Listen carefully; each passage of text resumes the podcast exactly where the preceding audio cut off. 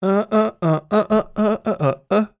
Nie powinienem zaczynać podcastu w ten sposób. Czy, to, czy ja tracę na, na, na profesjonalizmie? Może nie na profesjonalizmie, na, na powadze. Tracę na powadze. Czy Państwo chcą mieć poważnego podcastera e, w mojej postaci? Czy ja muszę być taki, e, kurde, radiowy bardzo? Ja jestem ogromnym fanem tych radiowych osobowości, które zawsze wiedzą, co powiedzieć, zawsze wiedzą, jak się zachować i zawsze mówią sympatycznie i miło i mają początki dobre i końce mają dobre i środki pewnie też mają dobre i mam na myśli tutaj program, a nie ich fizyczność w jakimkolwiek stopniu.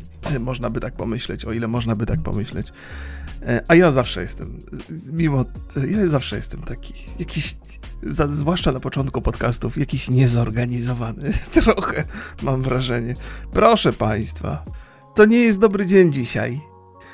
Cieszycie się, że tak wreszcie trochę z innej, zawsze, zawsze mówię dobry, a to nie jest dobry dzień, ponieważ ja dzisiaj muszę zrobić księgowość e, majową, znaczy kwietniową, a, a mi się nigdy nie chce, nie chce mi się tego robić, nie lubię tego straszliwie. I mimo, że do biura księgowego przesyłam dokumenty, to zebranie ich do wspólnego katalogu, wysłanie, pobranie danych z internetu, bo część faktur już się załatwia elektronicznie tylko i wyłącznie, jest rzeczą kłopotliwą i nigdy mi się nie chce tego robić. Nie mogę, nie mogę zwalczyć. I w związku z tym, że mam rzecz, którą zrobić muszę, bo jestem obowiązkowym facetem, chociaż akurat w tych kwestiach się opóźniam czasami, to no to żeby, tak jak opowiadałem w jednym z podcastów, by zredukować sobie niechęć wobec siebie, że tego jeszcze nie zrobiłem, to zabieram się za inne rzeczy, które także traktuję jako swój obowiązek, czyli na przykład nagranie podcastu. No bo to nie jest przecież czas zmarnowany, zrobiłem coś bardzo sensownego. Znaczy, mam nadzieję, że zrobię coś bardzo sensownego. Państwo za pół godziny być może się zorientują, że to sensowne nie było. Mm, to tak jak mówiłem, jak człowiekowi się nie chce uczyć, na przykład na uczelni, albo nie chce mu się robić projektu, to na przykład myje prysznic, kabinę prysznicową, albo, albo myje naczynia, albo sprząta w domu. Zawsze szuka jakichś takich zajęć, które nie są takim stuprocentowym obijaniem się, bo wtedy miałby wyrzuty sumienia i te wyrzuty sumienia nie dały mu spokoju, zakładając, że ma dobrze poukładane w głowie oczywiście, więc robi coś takiego, co jest obowiązkiem, może nie jest teraz potrzebne, ale przynajmniej dostarcza spokoju sumienia. Sumienie to w ogóle jest fantastyczny wynalazek, ja uwielbiam sumienie. To jest rzecz, którą żeśmy, którą żeśmy dostali w darze od jakiejś siły wyższej chyba. To znaczy jakby, ja, wiecie, ja nie jestem bardzo religijny, ale to jest coś niezwykłego. Gdzie tam, gdzieś, skąd to się bierze, że w środku wiemy, co jest właściwe, co jest niewłaściwe. Że coś się w nas odzywa, jeżeli krzywdzimy innych ludzi. Oczywiście to jest, sumienie to jest coś, co można zagłuszyć. I, I się to robi bardzo skutecznie. Jednym ze sposobów zagłuszania sumienia jest właśnie religia, nie? Żeby wszystko było jasne. To, to co jest normalnie, w, w normalnych warunkach niedopuszczalne, to religia zawsze znajdzie obejście tego. Dlatego ja zawsze jestem podejrzliwy. Czemu? Ja nie chciałem o tym. Ja chciałem mówić właśnie, że sumienie, sumienie nas bardzo koryguje. I zastanawiam się, czy zastanawiam się, czy to jest tak, że, że osiągnięcia, jakie mamy w życiu, są zależne od tego, jak silne mamy sumienie, jak bardzo ono potrafi nas skorygować. Bo to się nie da tak przez całe życie. Wiadomo, że w młodości trochę rodzice nas naprostowują, jak próbujemy gdzieś skakać na boki i robić rzeczy, które nie są do końca produktywne. To jest rola rodziców. No ale potem rodziców rola jest minimalizowana z czasem, coraz bardziej, coraz bardziej. I pozostaje to sumienie. I zastanawiam się, czy to jest jakiś dar, który otrzymujemy w, określonym rozmiarze, każdy z nas, czy niektórzy dostają, e, czy, czy, czy, to jest coś, nad czym się pracuje. To znaczy, że można przyjąć takie założenie, że taki się urodził i po prostu jest super zdyscyplinowany, bo tak wynika z jego natury, z tego wrodzonego, wbudowanego sumienia. Czy to jest coś, nad czym się pracuje. I na początek rodzice muszą wykonać taką pracę, a potem już e, to jest taki no, dużo się mówi o wychowaniu dzieci, o tym, co jest właściwe, co jest niewłaściwe, ale chyba niewiele mówi się o tym, e, w jaki sposób mm, nasze dzieci będą podchodziły do obowiązków potem w przyszłości i od czego to zależy. Jak możemy zadziałać, by nasze dzieci traktowały obowiązek jako coś, co jest przydatne, o ile nieprzyjemne, bo przyjemne to rzadko kiedy kojarzymy mm, obowiązek z przyjemnością. Chociażby ta moja księgowość, którą muszę zrobić przyjemne, to nie jest. Przydatne, konieczne, owszem. Więc jak w dziecku wzbudzić tą, tą, to, to zapotrzebowanie na, na, na robienie rzeczy właściwych, mimo że one nie są przyjemne? To jest. No, dzieci, dzieci dążą, właściwie dzieci i niektórzy dorośli, którzy nie dojrzeli, też dążą do robienia przede wszystkim rzeczy przyjemnych. I to jest takie naturalne bardzo. Być może to wynika też trochę z tego, e, że w jakiś sposób gdzieś tam wewnętrznie interpretujemy, co jest dla nas dobre, a co jest dla nas złe. Wiele naszych współczesnych problemów wynika z tego, że nasz organizm rzeczy przyjemne traktuje jak przy okazji jako rzeczy potrzebne.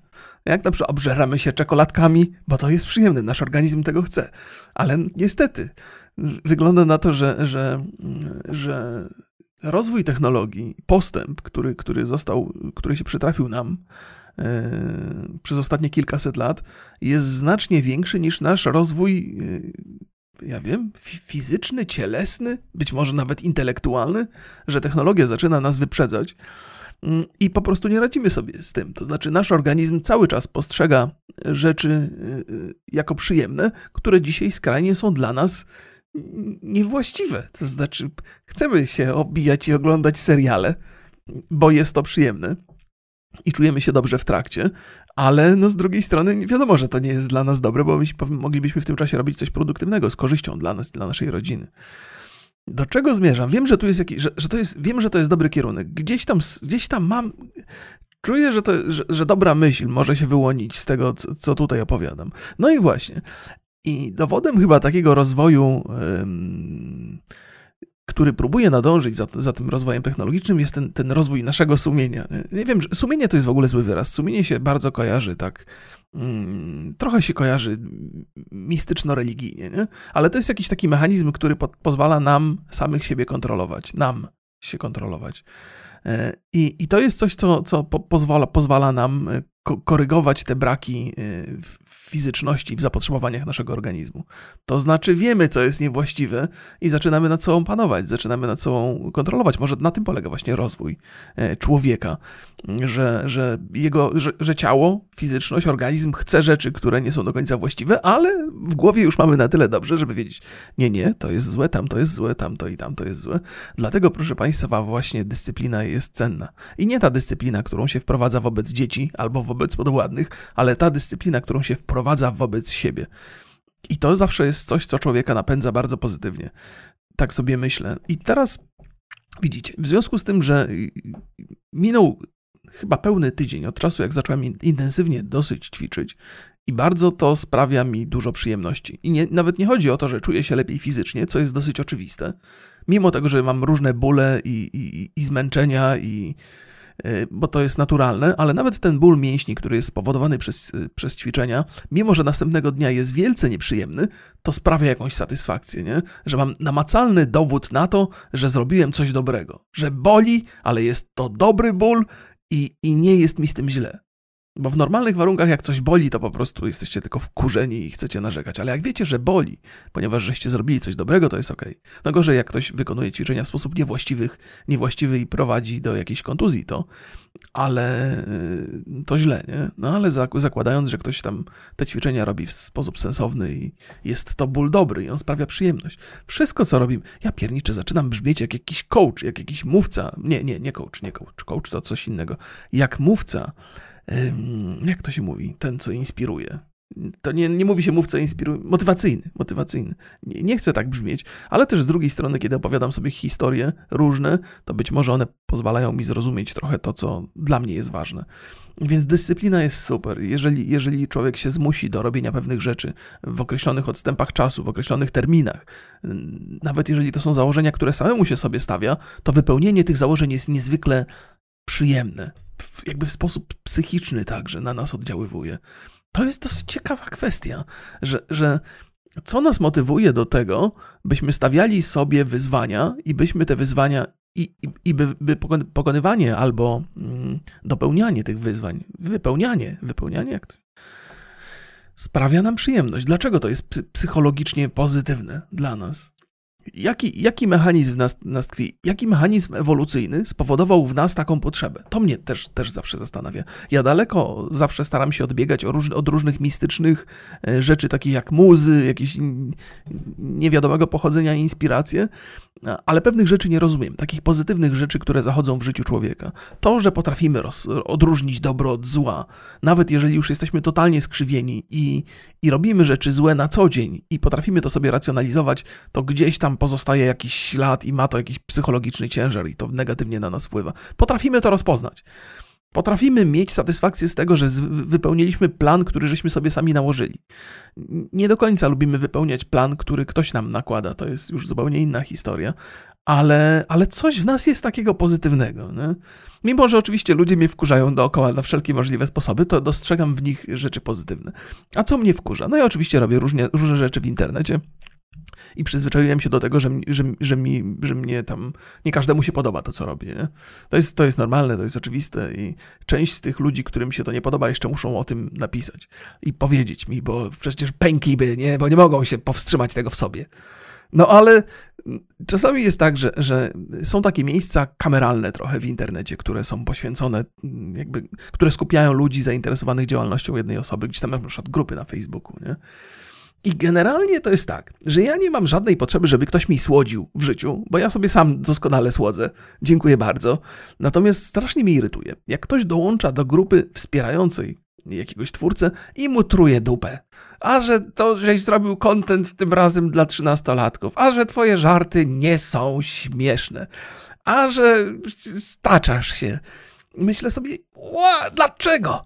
Po co ktoś mi truje, jakby przyzwyczaiłem się do tego w internecie przez te 11 lat, już chyba nawet ponad, że, że, tak jest, nie? Ale po co stajesz się częścią jakiejś społeczności, której jakby takim prostym zajęciem jest trochę wspieranie tego twórcy i przychodzisz i mu podcinasz skrzydła. Boże, czy, czy, ludzie sobie nie zdają sprawy? Być może to jest kwestia tego, jak, jak, e, jak sami byli wychowywani i jak im samym były podcinane skrzydła w dzieciństwie, przez rodziców, przez najbliższych, bo to jest, to jest, niebywa, to jest, to jest coś... Dlaczego o tym mówię? Nie dlatego, że to są moje osobiste przeżycia, bo przecież jestem w internecie, musiałem sobie poradzić z nimi, musiałem się nauczyć z nimi e, jakoś godzić. Natomiast jakby, jak ja sobie to racjonalizuję? Po prostu jest grupa ludzi, która ma kołek w dupie i generalnie większość tych ludzi z kołkiem w dupie się nie odzywa, bo mają inne zajęcia, ale jest zawsze grupa takich, która z tym kołkiem w dupie po prostu chodzą po, po internecie i muszą. Nie, nie mogą się, już ten kołek w dupie siedzi tak głęboko, że ich w gardle uwiera i muszą się wykrzyczeć. Nie?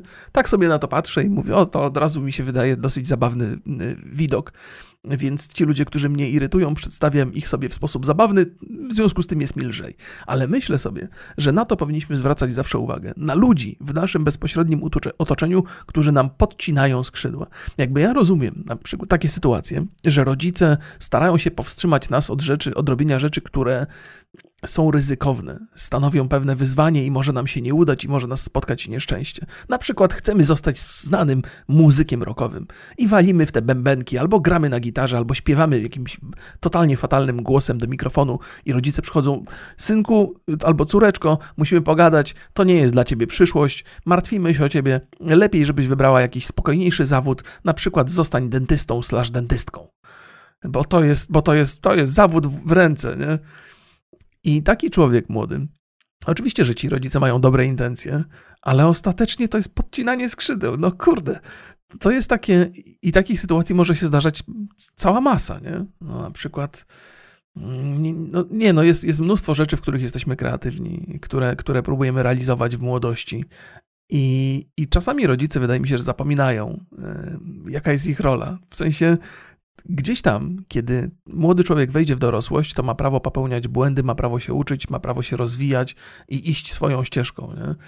Mm, e, I, jakby pewnie rolą rodziców jest dbanie o to, żeby, żeby wskazać taką, taką ścieżkę, ale chyba nie jest rolą rodziców y, kasować wszystkie te ścieżki, które w ich mniemaniu są potencjalnie ryzykowne. Nie? Bo jest bardzo duża różnica, kiedy idziesz drogą, która prowadzi tylko i wyłącznie na dół. Czyli możesz się stoczyć, możesz zmarnować, nie wiem, imprezujesz, y, ćpasz, pijesz, nie, palisz papierosy. To jest coś, na co należy negatywnie reagować. Ale jeżeli w jakiś sposób realizujesz się kreatywnie i jest to branża, która potencjalnie jest ryzykowna, to nie należy tego człowiekowi odbierać. To trzeba, trzeba mówić, musisz wiedzieć, że to jest trudne, może ci się nie udać.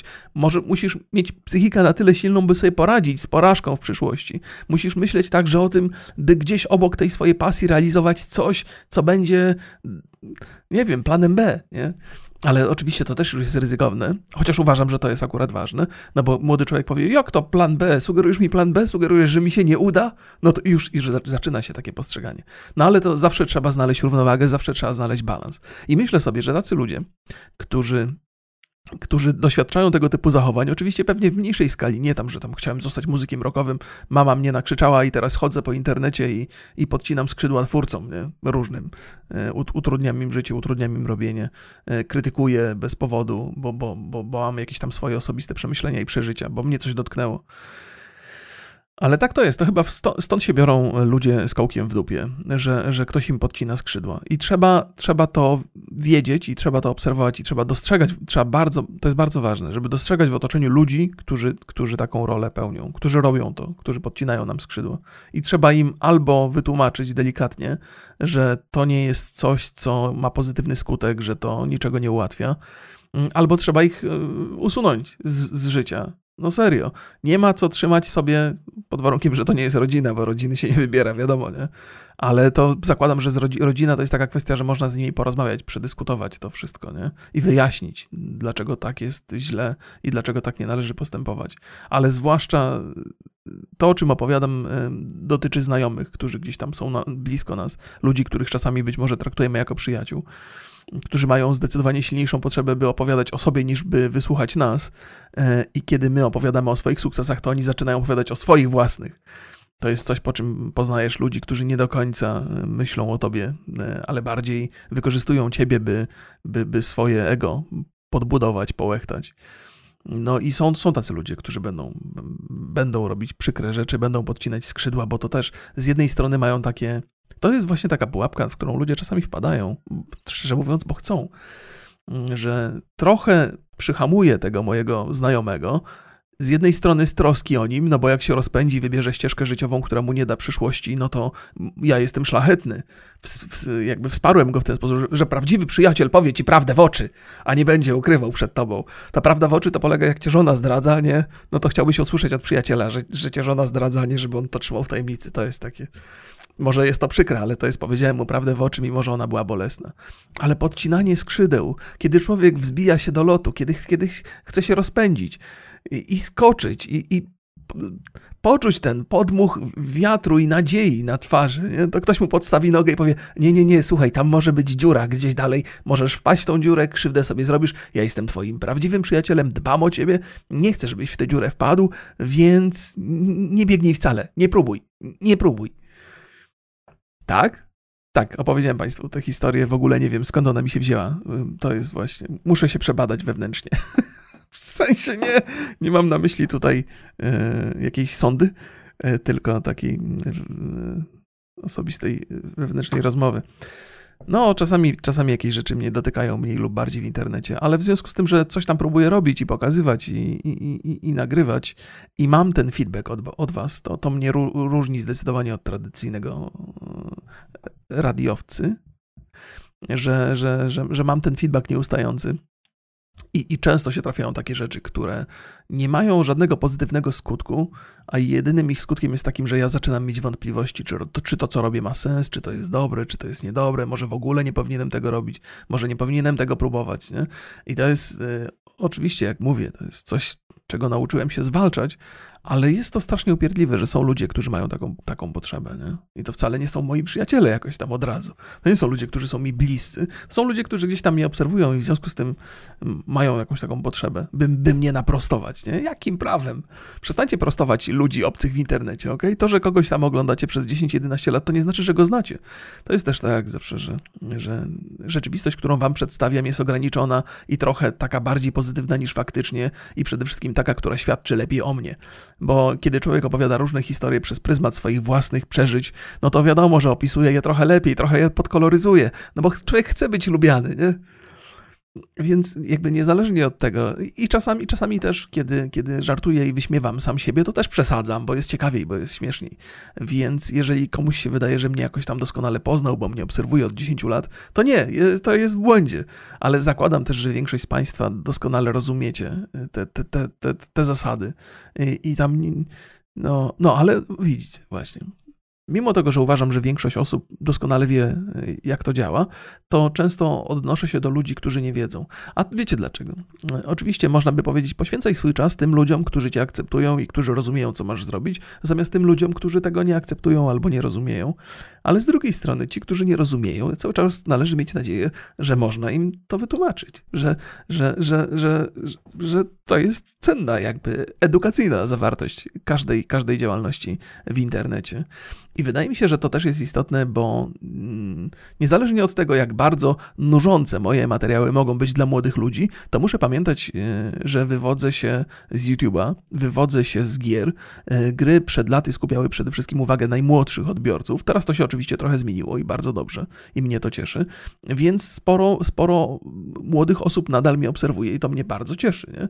Młodzi ludzie zdecydowanie są mniej cierpliwi. Młodzi ludzie zdecydowanie y, mają to jest też tak, mają taką twardo zarysowaną wizję tego, jak powinna wyglądać rzeczywistość. Ta wizja się zmienia, łagodzi się z wiekiem, bo poznajemy nowych ludzi, mamy nowe doświadczenia, ale młodzi ludzie potrafią być bardzo, bardzo bezwzględni w tym, w postrzeganiu tego, co jest dobre, co jest złe. Jak tylko trochę wyjdziesz poza ten ich zakres y, rzeczy, które powinieneś robić, no to ci będą musieli zwrócić uwagę. Mm, ostatnio mnie dopadł taki ziomeczek, to chyba już trochę starszy ziomeczek, który w każdym możliwym miejscu, w jakim ja funkcjonuję w internecie, musiał mi napisać, że Iga Świątek to jest Iga, a nie Aga. Ja pozdrawiam cię bardzo serdecznie, ale twoje zaangażowanie w zwracaniu mi uwagi na to jest już chorobliwe, nie? W sensie to już jest jakaś nerwica. Ja myślę, że to jest coś, że należałoby się spotkać z tym, jak mu tam. Eee, co pomaga ludziom? Terapeutą, nie? No, że, że czasami w życiu, znaczy czasami zdarzają się rzeczy dookoła nas, które mm, nie do końca przy, przy, pasują nam, nie do końca się wpisują w nasz światopogląd, w to, jak postrzegamy świat. I trzeba to zaakceptować, nie? Trzeba wzruszyć ramię, no, powiedział Aga, no. Ha, trudno się mówi. Ja wiem, że Iga, wiem, że Iga. E, proszę się, proszę się, proszę Państwa, to jest chyba najcenniejsza uwaga. Ona w zasadzie do tego się powinien sprowadzić każdy podcast proszę się wyluzować. To jest dobre, dobre stwierdzenie. Nawet tak mógłbym na, nazwać e, ten podcast, proszę się wyluzować, ale to by mm, niosło ze sobą taki wniosek być może, że jest to taki o, o, olewacki podcast, a to nie, to jest bardzo zaangażowany. Ja bardzo jestem zaangażowany w te swoje historie i opowieści. Proszę Państwa, a propos rzeczy, a propos tego sumienia, gdzieś tam się prześliznąłem po tym temacie. Uwaga, kawka. Gdzieś tam się przesunąłem po tym temacie, ponieważ tak naprawdę chciałem opowiadać o czymś innym. Wspominałem Państwu zupełnie niedawno, że denerwuje mnie, kiedy samochód mnie alarmuje nieustannie, kiedy przejeżdżając 50 metrów z parkingu na parking albo z parkingu do garażu nie założę pasa. Jest to niezwykle irytująca i upierdliwa rzecz. I zawsze na to narzekam i wolałbym, żeby tego w samochodach nie było. Ale z drugiej strony kupiłem sobie zegarek, który nieustannie zwraca mi uwagę na, na pewne rzeczy. Na przykład mówi do mnie tak: Remigiuszu, kochany, mówi do mnie kochany, bo jestem jego właścicielem, co ma powiedzieć. Y, już od godziny siedzisz na dupie, może byś wstał i zrobił parę kroków. A potem mi mówi, wiesz co, y, wczoraj żeś spalił tyle kalorii na ćwiczeniach, dzisiaj trochę mniej, no może byśmy trochę do, może byś trochę dołożył węgla do tego pieca. Nie? Albo przychodzę z zakupów i on po chwili mówi mi, ej stary, chyba zapomniałeś umyć rąk, nie? Nie jestem pewny, ale chyba nie umyłeś rąk. Więc idę, myję te ręce i on mi mówi po 10 sekundach, ej, no jeszcze nie koniec, to jest, jesteś pewny, że umyłeś już ręce? Normalne mycie rąk powinno być 20 sekund. Okej, okay, 15 sekund zupełnie spoko. 10 sekund wystarcza, żeby umyć ręce dokładnie, ale myję te 20 sekund, bo mi ten zegarek zwraca na to uwagę. I pomyślałem sobie, ej, okej, okay, jest to upierdliwe strasznie, jest to irytujące. To, to, to, co ten samochód robi, też jest irytujące. Ale z drugiej strony, dlaczego nie? Dlaczego się na to nie, nie zgodzić? Oczywiście, ktoś mógłby powiedzieć, zbulwersowany niezwykle, o, ludzie sobie sami zakładają kaganiec, ograniczenia. Już teraz elektronika będzie im mówić, co mają robić. Pozbywamy się ostatniej wolności. Jesteśmy jak te owce, które sobie same kupiły owczarka, żeby za nimi biegał i szczekał i podgryzał w dupę, jeżeli pójdą w niewłaściwą stronę. Dzisiaj w ogóle dużo wyrazów e, dupa się pojawiło na podcaście. To może świadczyć o mojej pewnej irytacji. Yy uroczej, mam nadzieję. No więc, więc pomyślałem sobie, ale z drugiej strony, do licha, przez, musimy zacząć myśleć o sobie trochę inaczej. W sensie takim, że popełniamy błędy. Jakże niezwykle jest to, to jest taka myśl, którą bardzo łatwo wypowiedzieć. Popełniamy błędy, no ja też popełniam błędy, mylę się. Y, oczywiście, że tak. No przecież wiadomo, że nie jestem nieomylny, no przecież nie jestem geniuszem, każdy się może pomylić. Nie? Często o sobie tak opowiadamy i kiedy, kiedy o, o, sobie tak opowiadamy, to mamy takie poczucie, ale jestem skromny, ale potrafię spojrzeć we, w głąb w siebie. Potrafię zrozumieć, że popełniam błędy i potrafię to innym opowiedzieć. Nie wstydzę się tego, że popełniam błędy. Ale mimo to w środku mamy silne poczucie, że nasze opinie, nasze przemyślenia, nasze pomysły są najlepsze, jakie tylko mogą być na świecie. Bardzo rzadko poddajemy wątpliwość to, co w środku w nas siedzi. Opowiem Państwu taki, dlatego że czasami można wpaść w pewną pułapkę, to znaczy czasami nie wiemy, y, tak jak ja, na przykład z tą igą świątek nieszczęsną. Byłem przekonany, że to jest Aga Świątek, więc nawet tego nie sprawdziłem. Nie, nie miałem żadnej, żadnej potrzeby, żeby, to, żeby weryfikować te informacje i tak trwałem w tej głupocie swojej. Ale powiem Państwu, co mnie nauczyło naprawdę patrzeć wewnątrz siebie i dostrzegać to, że popełniam błędy i by przestać e, uznawać urządzenia elektroniczne za coś, co jest zwyczajnym mm, pastuchem który ma mnie pilnować bezwzględnie i pozbawiać mnie wolności, bo jestem taki głupi, że nie potrafię sam. Otóż zrobiłem, nie opowiadałem chyba tego na tym podcaście, może gdzieś tam przy innej sytuacji. Otóż miałem z żoną od czasu do czasu takie konfliktowe sytuacje. Konflikt to jest bardzo grube słowo, kojarzy się z jakimś, jakąś wojną prawie, że konflikt, czyli mieliśmy nieporozumienia. O, to jest dużo łagodniejszy wyraz. I ja mówię, moja żona daje mi tabletki na witaminę D, którą zresztą sam sobie za, za, zażyczyłem, żeby mi dawała bo uważam, że to jest ważne na odporność, zwłaszcza jak się nie wychodzi z domu, zwłaszcza jak słońca nie ma. Pal licho, zjadam tę witaminę D.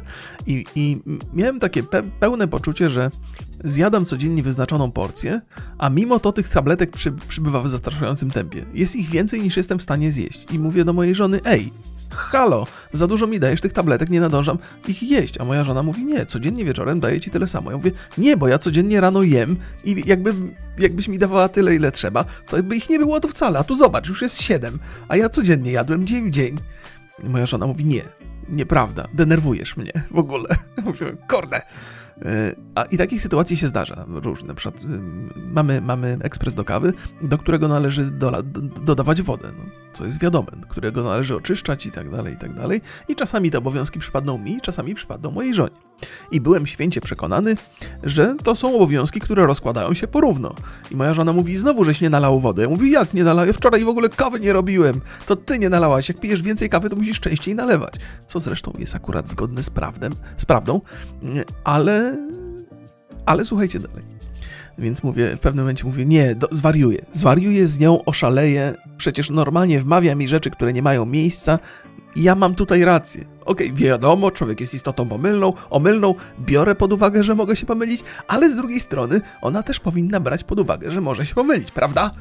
Jeżeli już stosujemy te normy wobec siebie, że popełniamy błędy, no to wszyscy, a nie tylko z, z kobietami, których, które ja poznałem w życiu, jest tak, że jak się je przeprosi, to nie jest y, okazja dla nich, by też przeprosiły i doszło do porozumienia, tylko to jest okazja, żeby jeszcze wskoczyć na głowę i ten i dokopać, że skoro przeprosiłem, to znaczy, że jestem winny i teraz już nie ma co brać winy jakiejkolwiek na siebie, tylko trzeba to pieprzyć jeszcze. Ale ja często przepraszam. Y, generalnie bawi mnie to i za każdym razem, jak moja żona wykorzystuje moje przeprosiny, by, by mnie jeszcze trochę potępić, to ja mówię, no widzisz, no i po co mi były te przeprosiny? Po co ja w ogóle przepraszam? Nie wiem, czy mówię to głośno, czasami mówię w środku w głowie sobie, bo po co się narażać jeszcze dodatkowo.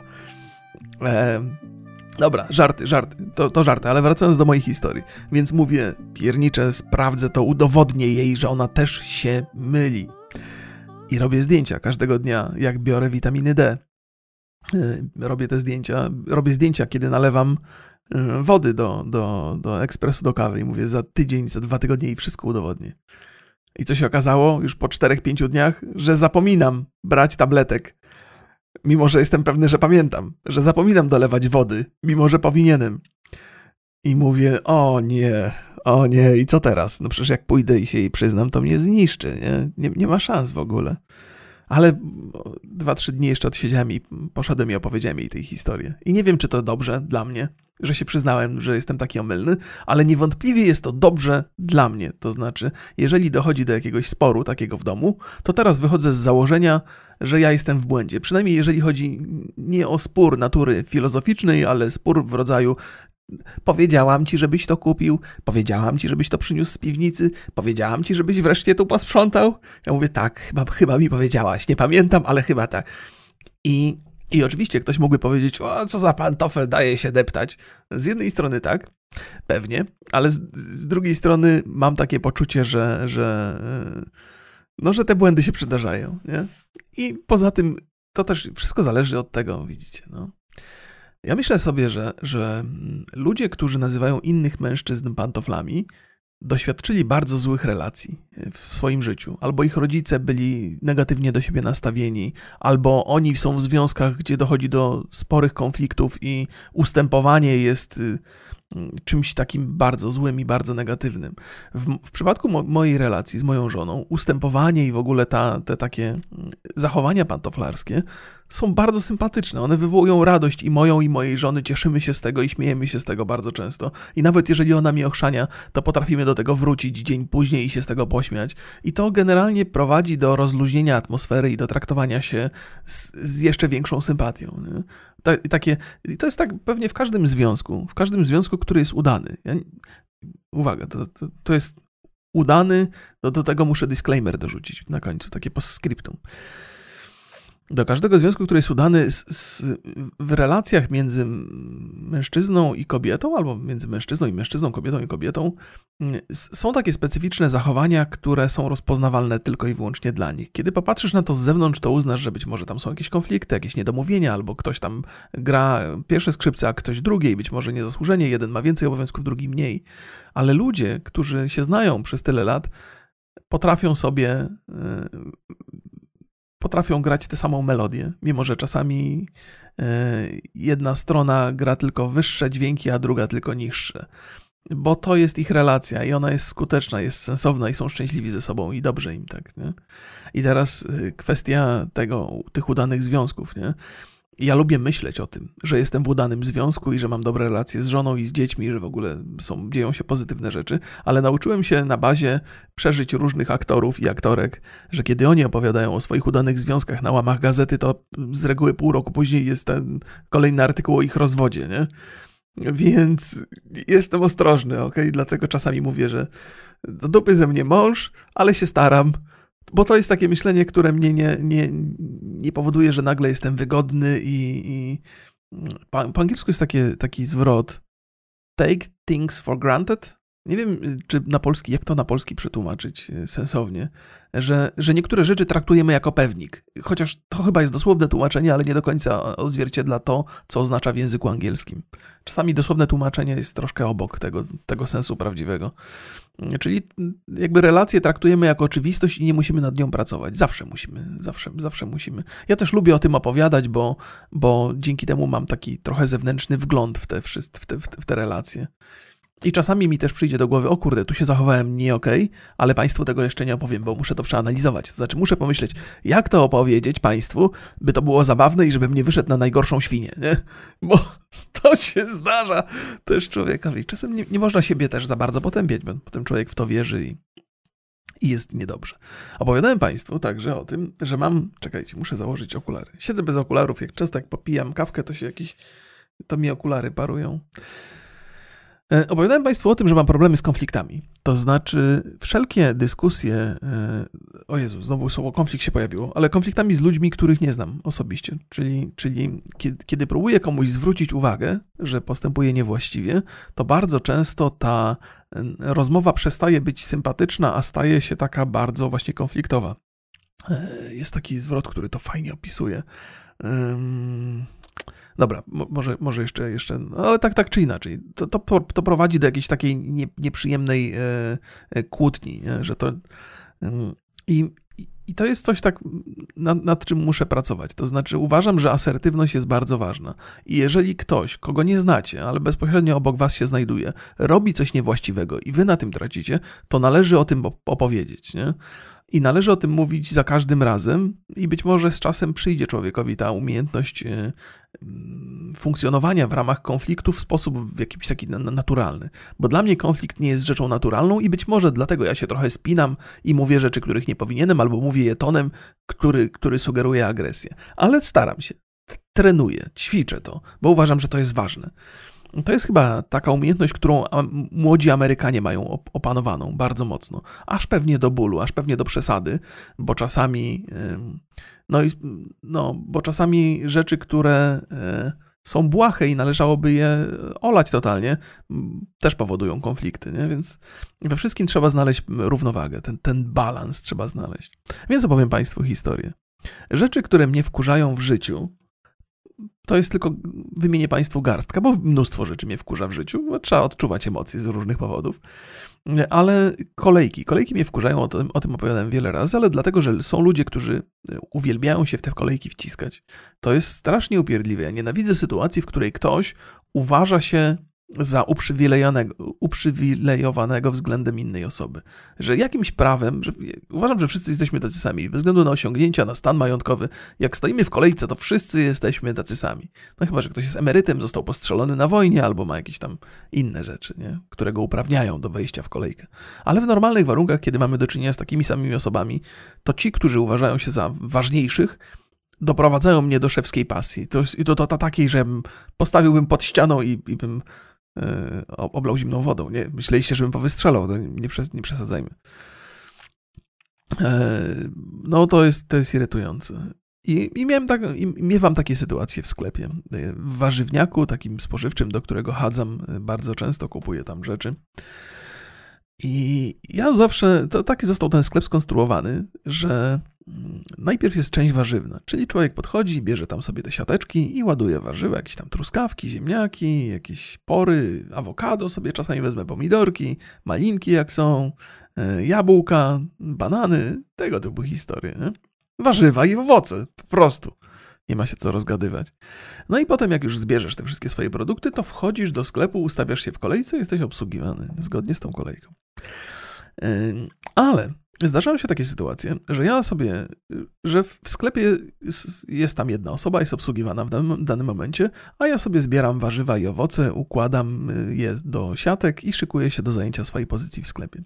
I wtedy ktoś przychodzi, kto akurat nie ma żadnego zapotrzebowania na warzywa i owoce, wyprzedza mnie ustawia się w tej kolejce jako osoba druga i ja w rezultacie jestem trzeci. I wchodzę do tego sklepu z tymi, z tymi bagażami, ta osoba, co się wepchnęła przede mną, jest druga, nie? I czekamy wszyscy, nie? I ja myślę sobie, kurwa mać. Tak sobie myślę, tak, tak ostro sobie myślę. Co za dziad, co za łotr, jakim prawem on mi się tak, jakim prawem on mi się wpierniczył? To znaczy, rozumiem, że gdyby nikt nie był obsługiwany w tym momencie, no to on mnie wyprzedza, jest obsługiwany, Rzeczy idą do przodu, to jest bardzo naturalne, ponieważ w innym warunku, w innej sytuacji ekspedientka nie miałaby co robić. To jest coś, nigdy bym się tego nie czepiał, nie?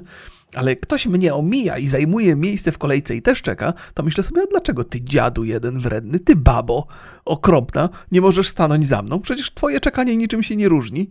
Oczywiście będzie dłuższe, bo jesteś za mną, no ale ja byłem pierwszy, więc należy mi się. I ostatnie mówię, koniec tego. Koniec tego, nie, nie, ostatnio, już jakiś czas temu. I teraz zwracam uwagę ludziom, którzy w ten sposób się zachowują. Pandemia trochę ułatwiła, ponieważ ja, jak ktoś próbował wejść do, do sklepu, to mówiłem, a przepraszam, ktoś już jest w tym sklepie. Nie? No i wtedy ludzie nie mieli za bardzo jak się bronić, bo nie można. A nie mają innego sposobu, żeby mnie wyprzedzić. Ja wiem, co im siedzi w głowach. Ci ludzie, którzy się wpieprzają w kolejki, niech wam się nie wydaje, że my nie wiemy, że ci wszyscy, którzy dookoła siedzą i na to patrzą, to nie wiedzą, że im nagle umknęło coś. O, tego pana tu nie było, teraz jest, ale to ciekawa historia opowiem w domu. Nie, my wiemy, że wy jesteście dziady, łotry i wam się wydaje, że jesteście lepsi i że wasz czas jest ważniejszy od naszego czasu. Wiemy to doskonale, tylko większość z nas jest zbyt kulturalnych, żeby na to zwrócić uwagę. I wy, łotry, darmozjady, wykorzystujecie tą sytuację, że ktoś jest taki właśnie kulturalny. To jest hamstwo i należy to piętnować, więc ja to piętnuję w sposób bardzo agresywny, niestety, bo inaczej nie potrafię. I, i, no, i, no i zwracam na to uwagę. I ostatnio właśnie kobieta mi podchodzi, już taka starsza pani, powiedzmy w okolicy między 50 a 60. No. To ja będę niedługo taki, będę też mówił, jestem starszym panem. Dzisiaj mówię, że jestem starszym panem. No i o, ja na, na, nabieram sobie truskawek i ta kobieta mnie mija, jakby nigdy nic i wchodzi tam i się zbliża do drzwi. Ja mówię, a przepraszam bardzo, już ktoś jest w tym sklepie. Myślę sobie, że pandemiczną wy, jeszcze kartę wykorzystam, ale to już ten czas bez maseczek jest. Ktoś już jest w sklepie, proszę pani. Ona mówi, proszę się nie martwić. Ona do mnie mówi, że ja się nie martwił, uwierzycie? Proszę się nie martwić, będę trzymała dystans. Mówi, o kurwa, zaraz mi, zaraz, zaraz mi coś, zaraz mi pokrywka odskoczy, nie? Już się we mnie gotuje. Ale mówię do niej, proszę pani, ale to nie o to chodzi. W związku z tym, że tam ktoś już jest w kolejce, a ja jestem następny, no to nie ma sensu, żeby pani mnie wyprzedzała. No nie widzę tutaj powodu. No i to ją, to ją zamurowało, nie? Bo, bo to jakby z reguły się nie mówi tego wprost, co się czuje, co się myśli. I ona mówi, dobrze, dobrze, dobrze, to już, już się cofam. Jacyś ludzie tacy agresywni są teraz. A ja, jakby, wiadomo, że mówi o mnie, nie? Ale mówi tak, rzuca tak te słowa na wiatr, że ludzie są tacy agresywni. Ja mówię, no wie pani co, no możliwe, no może przez to, że siedzą w domu tyle czasu, to tacy się zrobili bardziej, bardziej nerwowi, nie? Ona mówi, nie, nie, to przez te maseczki. Ja mówię, jak, jak, jak przez maseczki? Mm. No bo jak, jak maseczki, się chodzi cały czas w maseczkach, to tlenu do mózgu nie jest dostarczane tyle, co trzeba i, no i ludziom, ludzie, ludzie się robią agresywni. Ja wiem, to, to, ja wiem, potrafię ocenić takie rzeczy, babka mówi. E, to zboczenie zawodowe. Ja mówię, o kurde, nie wiem, gdzie ona pracowała, nie będę jej wypisywał, bo mnie irytuje. O, to jest oczywiście kobieta, która najpierw chciała mi się wpieprzyć w, w kolejkę, w ogóle nie, nie, mieć z tego powodu wyrzutu, wyrzutów sumienia, a po drugie chce mi wmówić, że ja jestem agresywny i że to wynika z tego, że, mi, że nie mam wystarczająco tlenu w mózgu, nie? Że nie tylko jestem agresywny, ale że jestem ogłupiony wręcz, że śmiem zwracać jej uwagę. No i, i, i mówię do niej, że że, że przecież ja wcale nie jestem agresywny, że ja tak łagodnie tylko mówię, że akurat y, to, to był taki moment, to był dobry moment. To był taki dobry moment, gdzie miałem poczucie, że, że mówię sensownie, że się nie denerwuję, to znaczy w środku jakby pękałem, nie? Momentami, ale, ale miałem takie poczucie, że ten trening z sytuacji konfliktowych pozytywnie na mnie wpływa z, z, czasem i że potrafię to powiedzieć. Oczywiście, to jest moja perspektywa, nie? Z jej, z jej, z jej, e, e, w jej oczach mogłbym być ziomkiem, który się drze i któremu ślina kapie z kącików ust i że w ogóle zaraz się rzuci na nią z pazurami, nie? Nie wiem. Mi się wydawało, że byłem bardzo łagodny, ale e, oglądaliście drugą część Blair Witch, E, Blair Witch Project. To jest film, który był bardzo negatywnie oceniany, a mi się bardzo podobał, bo tam jest właśnie pokazana taka sytuacja, w której e, przez cały film obserwujemy bohaterów, którzy robią rzecz jedną, a potem w końcówce filmu Stary film, to co się martwicie spoilerami. Jakby ktoś się bał spoilerów, to proszę teraz nie słuchać przez chwilę. Zatem w końcówce filmów na nagraniu okazuje się, że, robili coś totalnie innego, nie? Czyli ich perspektywa była taka, że tacy byli mili, łagodni i w ogóle pomagali sobie nawzajem, a perspektywa, bezduszna perspektywa kamer była taka, że po prostu się mordowali tam i robili sobie krzywdę. Niezwykła, niez, niezwykły zwrot akcji. To ten, ten zwrot akcji mi się bardzo spodobał. Natomiast już sam film to tak nie oceniam, ale ten zwrot akcji był ciekawy. No więc tak może na siebie też patrzę, że ja byłem taki łagodny i sympatyczny, a tymczasem no, darłem, darłem się na kobietę biedną, nie? I no i ostatecznie wchodzimy, już gdzieś tam w trakcie tej rozmowy ona mówi, że a, ona chciała tylko zapytać. No i już wychodzi ta pierwsza osoba ze sklepu obsłużona, ja, ja się zbliżam do drzwi i mówię, wie pani co, no jakby chciała pani coś zapytać, to proszę, proszę, to niech pani pyta, może niepotrzebnie się tam tak tutaj otworzyłem. A ona mówi, nie, nie, nie, nie, nie, nie, proszę wchodzić, proszę wchodzić. Już wtedy zrozumiałem, że ten argument, że chciałam tylko zapytać jest o dupę rozbić, nie? No więc ja zrobiłem swoje zakupy, zapłaciłem. Długo to nie trwało, bo wszystkie miałem rzeczy już spakowane, więc tylko trzeba było to zważyć i wycenić. No i wchodzi babka i pierwsze pytanie, czy są jej ulubione papieroski? Te takie cienkie. Ja mówię, o ty, to ty z tych palaczek, tak? Ci palacze to są. Czy ja mówiłem Państwu, że mam negatywne podejście do osób palących papierosy? Niepotrzebnie, ale mam, mam, mam, mam takie. Nie mogę zrozumieć, że ludzie sobie w ten sposób krzywdę robią e, świadomie. W sensie irytują mnie oczywiście te wszystkie wlepki na papierach, papierosach, gdzie tam jakieś są raki czy raki i inne paskudztwa pokazane, bo to też mi się wydaje niewłaściwe. Natomiast nie, nie do końca czaję, że ktoś, kto jest tam w miarę wykształcony, inteligentny, pali fajki. Eee, no ale to są, to są, no to jest też nauk, nie? Więc No ale mnie to irytuje, jak ludzie, widzę, że ludzie palą tak, tak e, na potęgę, to, to, to mam taki niesmak delikatny w związku z tym. Mam nadzieję, że jakieś jacyś palacze nie poczują się dotknięci. Nie powinni się poczuć dotknięci, powinniście się bardziej poczuć dotknięci tym, że sobie robicie krzywdę swojej rodzinie i jeszcze, e, i jeszcze wam, jak sprzedają wam papierochy, to tam jest straszny syfilis narysowany na tych papierochach. Nie wiem, jak to w ogóle... No ale to jest, to jest inna historia. To, to, to, to, jest, to jest inna opowieść, jak to działa, jak działają te pudełka. E, czyli, że nie działają. Ale z drugiej strony, jak sobie przypomnę różnych bohaterów filmowych, którzy palą fajki, to mi się zawsze wydaje to sexy. W sensie nie takim, że facet pali, a ja mówię, o, sexy, o, facet z fajką w ustach, mm, o! No nie, nie w tym sensie. Sexy to jest taki wyraz, który nie do końca e, opowiada o tym, że, mm, że to jest seksualnie interesujące, tylko że to jest takie cool, nie? No właśnie w polskim języku brakuje takich chyba, takie spoko, takie na luzie, takie E, to jest, to jest wyraz, który ma trochę inne znaczenie w zależności od tego, jak, e, w, jakiej, w jakiej kontekście go używamy. Kiedy, um, kiedy, kurde, jak, jak mam, jaką mam historię?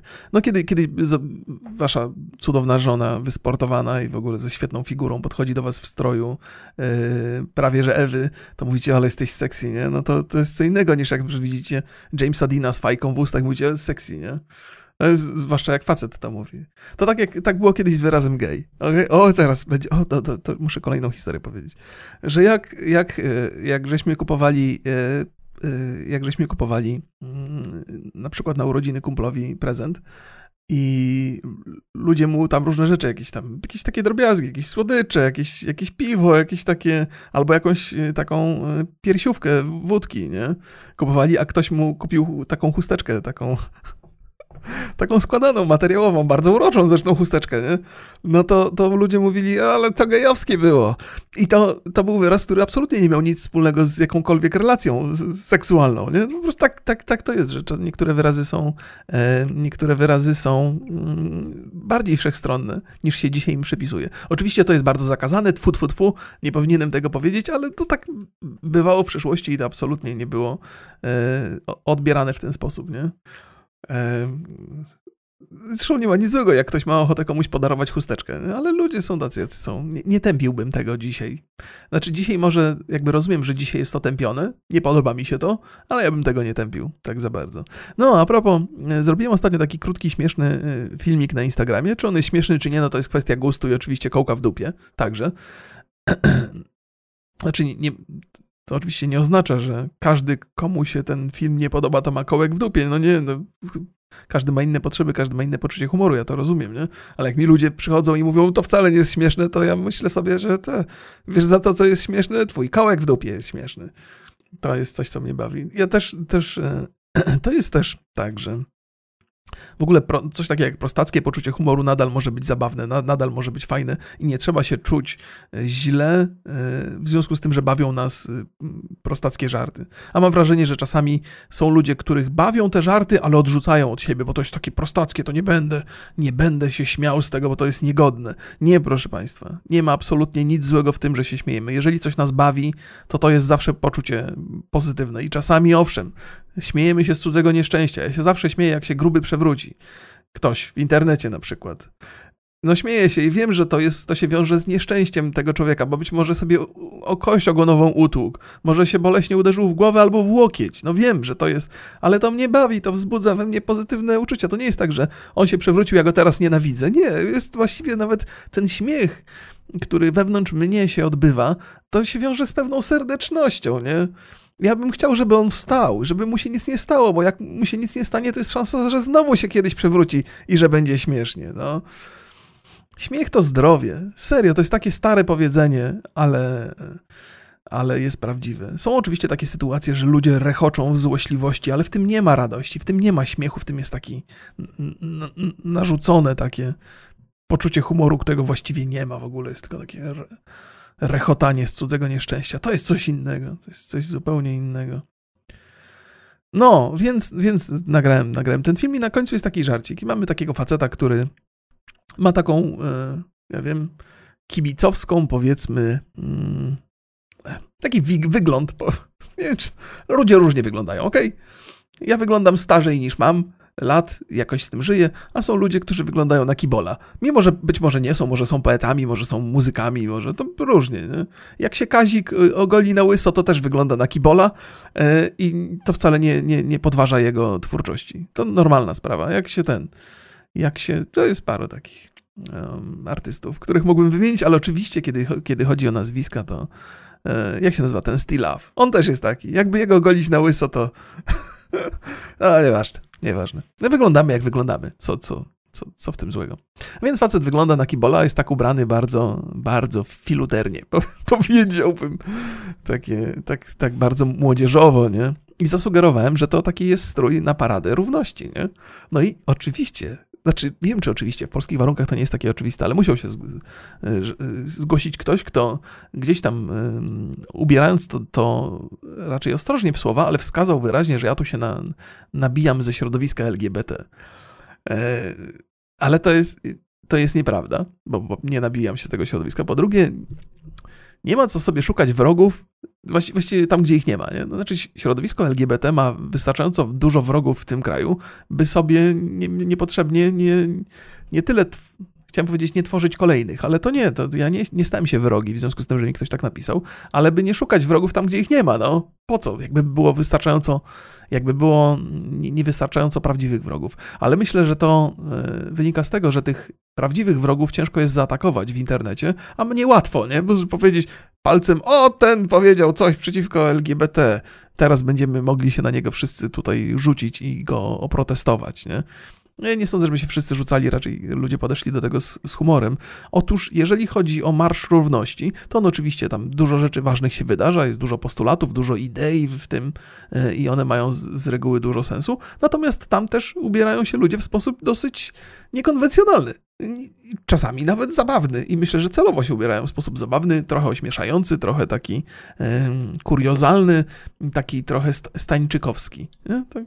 Bo to jest taki jest też, taka też idea za tym stoi, nie? że z jednej strony są super poważne tematy, ale też nie zawsze są super poważni ludzie, to się wiąże z radością, z jakąś taką otwartością. I stąd właśnie moje porównanie, że jak ktoś się ubrał w taki filuterny sposób, fikuśny, no to do parady równości się absolutnie nadaje, bo przynajmniej jeżeli chodzi o wygląd. Nie? I tyle, koniec. Nie? Ale nie, to trzeba, trzeba poszukać, trzeba pogrzebać w, pa, w paluchem w tym, w, w tej mojej historii. No, i powiedziałem, i tak rzekłem, i tak, i tak zamykam dzisiejszy chaotyczny podcast. Pozdrawiam Państwa bardzo serdecznie. Ile to jest? Czekajcie. Myślałem, że, myślałem, że dzisiaj kończę wcześniej, bo wiem, muszę robić tą księgowość, ale wcale nie kończę wcześniej. Znowu 50 minut. Co się stało? Kiedyś miałem problem, żeby 10-minutowe vlogi robić. Tak sobie e, szukałem sobie materiału. Co ja będę mówił przez 10 minut? Jezus Maria. A tu to już jakaś choroba psychiczna. 50 minut i nawet nie zauważyłem kiedy. Pozdrawiam Państwa bardzo serdecznie. Życzę miłego dnia. I wszystkim tym, którzy robią księgowość, lepiej to zrobić od razu, bo jak się zabierzecie za inne obowiązki, to potem będzie jeszcze gorzej.